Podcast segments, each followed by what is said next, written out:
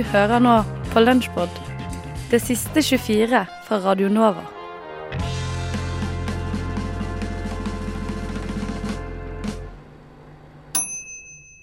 I think uh, anyone who's not a feminist is is an insane person. Is an insane person. Is an insane person. Is an insane person. Du hører på Et eget rom.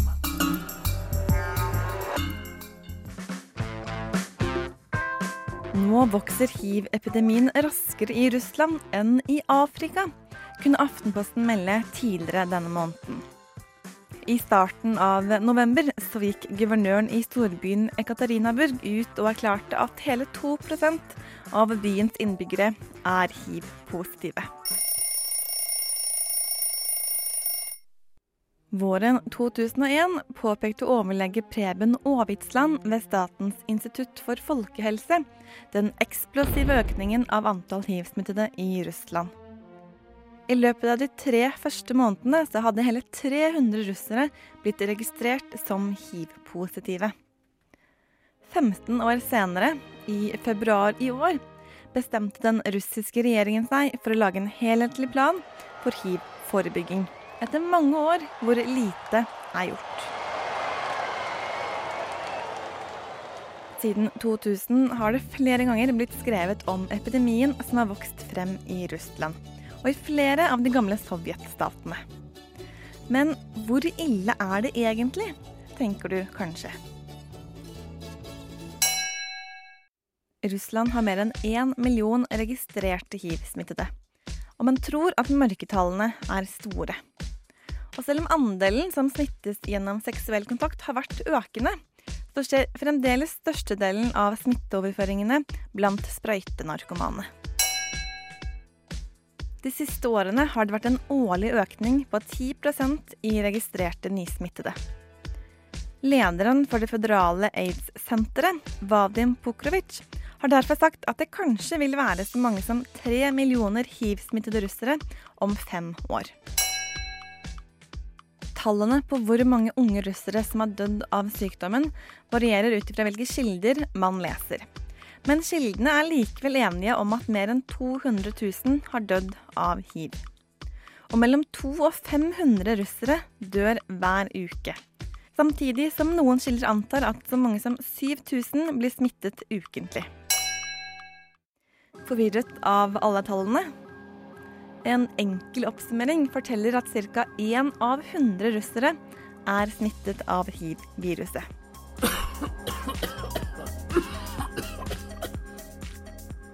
I 1986 fortalte den russiske helseministeren i et russisk TV-intervju at aids var en vestlig sykdom. Og siden han mente at Russland verken hadde prostituerte eller rusmisbrukere, så mente han at sykdommen heller ikke kunne spres i Russland. Siden 2000 har i tillegg den russisk-ortodokse kirken, som fremdeles har mye makt i samfunnet, fremstilt hiv som Guds straff mot homofile, narkomane og mennesker ødelagt av vestlig umoral. Seksual- og prevensjonsundervisning i skolen ble stoppet for noen år siden fordi det er sexpropaganda. Og kondombruk det anses for å være syndig. Kirken, sammen med fordømmer hos folk flest, har altså medført at så mange som 40% av russerne mener hiv-positive får som fortjent. Det kan forklare hvorfor en skjerping av den moralske dannelsen har vært sett som det viktigste tiltaket mot epidemien. God's nature provides an objective reference for moral values. It's the standard against which all actions and decisions are measured. I mars i år ble hiv-epidemien betegnet som en trussel mot Russlands sikkerhet. Og man skulle tro at det ville gjøre det noe lettere med effektive tiltak. Men siden mars er syv frivillige organisasjoner blitt stemplet som fremmede agenter fordi de har mottatt vestlig økonomisk støtte. Organisasjoner som bl.a. har delt ut rene sprøyter til stoffbrukere og kondomer til sexarbeidere. Samtidig er holdnings- og informasjonskampanjer rettet mot risikogrupper fremdeles mer enn omstridte. De ikke-statlige organisasjonene kvier seg derfor for å komme med utspill om tiltak som kan oppfattes å være konflikt med myndighetenes prioriteringer. Samtidig som mange av organisasjonene må kamufleres under tiltak rettet mot mødre og barn, eller generelle helsefremmede tiltak blant ungdom. Tiltak som har en større oppslutning hos myndighetene, og også i befolkningen for øvrig. Commander Riker's team is aboard, sir. Helm, warp one, engage! Det er foreløpig ikke kjent hvilke tiltak de russiske myndighetene kommer til å sette i gang. Eller om moralisme fremdeles vil fremsettes som det viktigste verktøyet. Men at sykdommen nå spres hurtig også utenfor de tradisjonelle risikogruppene, som rusmisbrukere og sexarbeidere, har fått regjeringen til å ta situasjonen mer på alvor. For det er i hovedsak heteroseksuelle par som blir smittet. Og særlig økende er antall kvinner.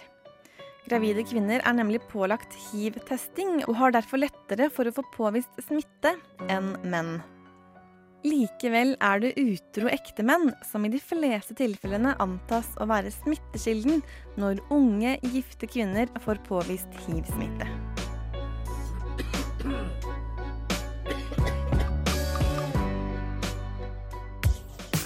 Skumma kultur!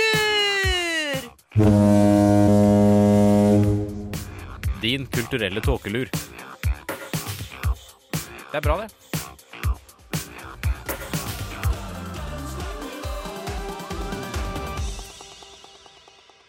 Ja, det var Supermale, det med Fashion Moves. Og det var det litt av her, i hvert fall hos tekniker Helle Svensson, som svingte seg fra, fra side til side her. Eh, vi har fått besøk, og ikke bare av ett band, men to. Vi har nemlig fått Anders Nordengen fra Eurotrash. Hei, hei, hei. Og eh, Anders eh, Aksel Sæter fra Nupo. Halla. Er det Punks? Stemmer. Le Ja. Punks. Det er Eh, første som har uttalt det riktig. Tusen takk. Eh, velkomne. Takk, takk. Takk, takk. Eh, to Oslo-band, rett og slett. Eh, Dere har gått eh, sammen om splitsingeren Carpool. Og, og før jeg spør om hvordan egentlig det fungerer, så vil jeg at alle vi skal prate med den egentlige dialekta vi har. Ok. Eh, og så spør jeg hvordan fungerer egentlig det?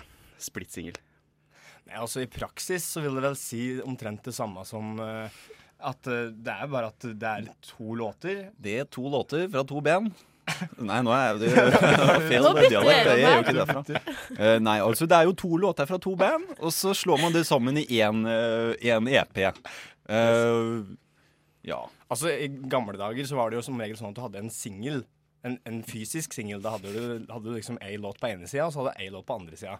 Og da ville du, sånn som i dette tilfellet, vært ei låt med Eurotrash og ei låt med The Punks. Hvis du bare hadde snudd om skiva. Men nå er jeg jo på Spotify, men nå har vi slått sammen to for det inn i Nei, jeg glemmer at jeg skal være fra Fredrikstad. Beklager at jeg Nei, ler. det er Det er fordi at du er egentlig fra, du er egentlig fra Fredrikstad, men uh, du klarer ikke å helle dialekta.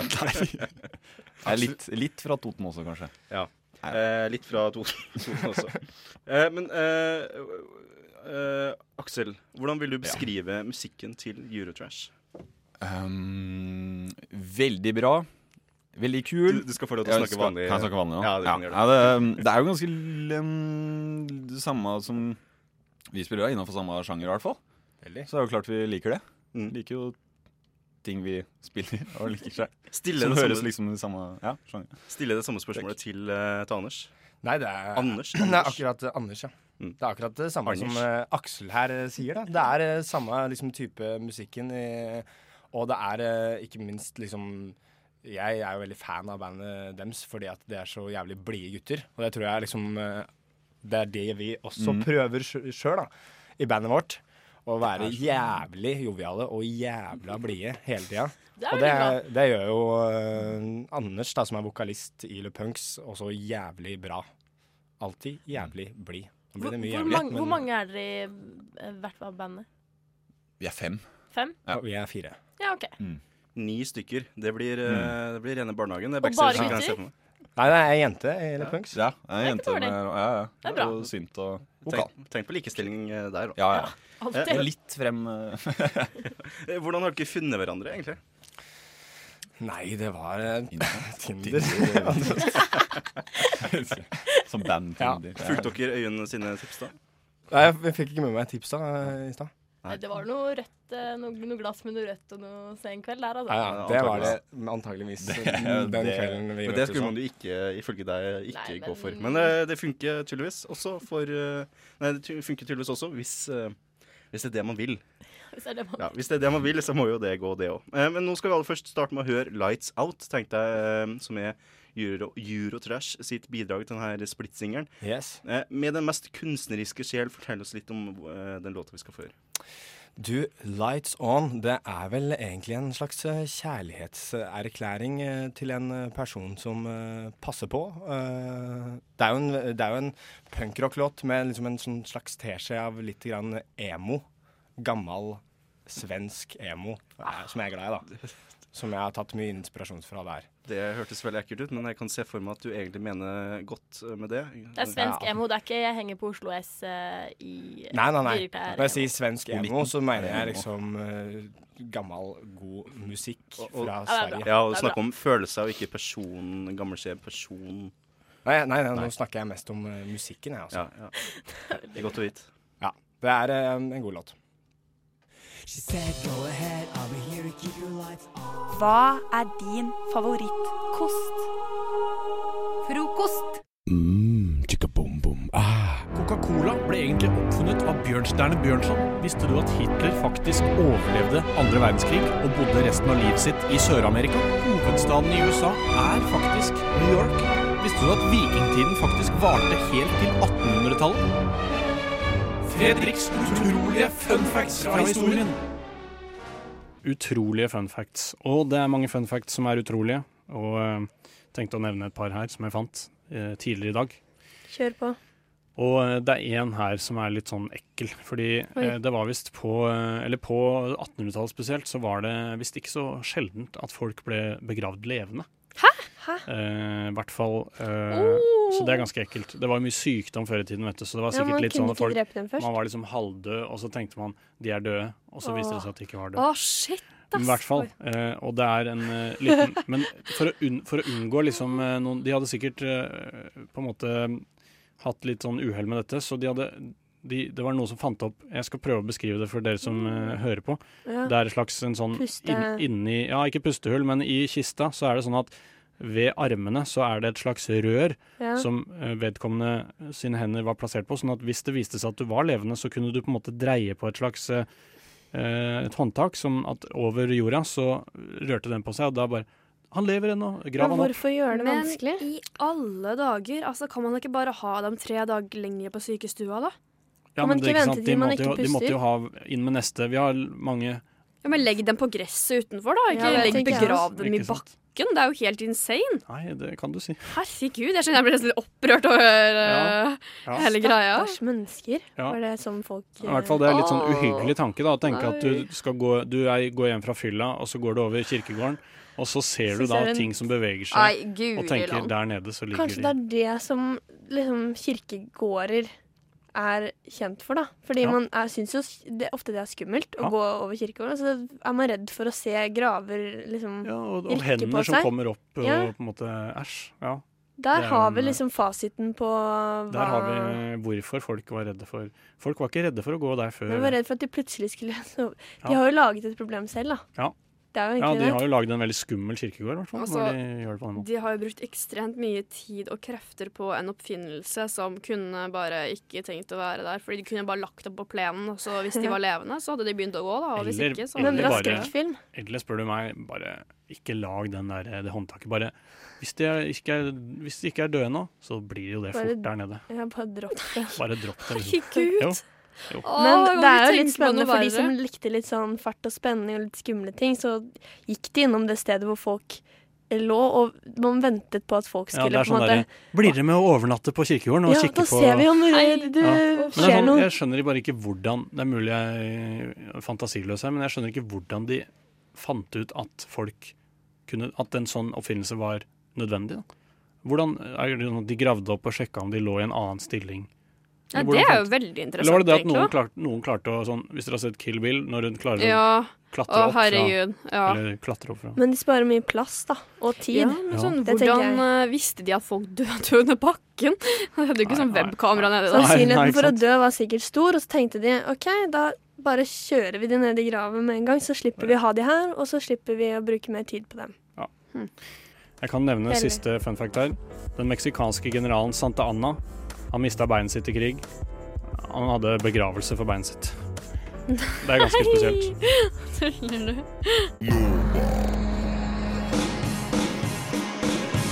Du har hørt en podkast fra Radio Nova. Likte du det du hørte? Du finner flere podkaster i iTunes og på våre hjemmesider radionova.no.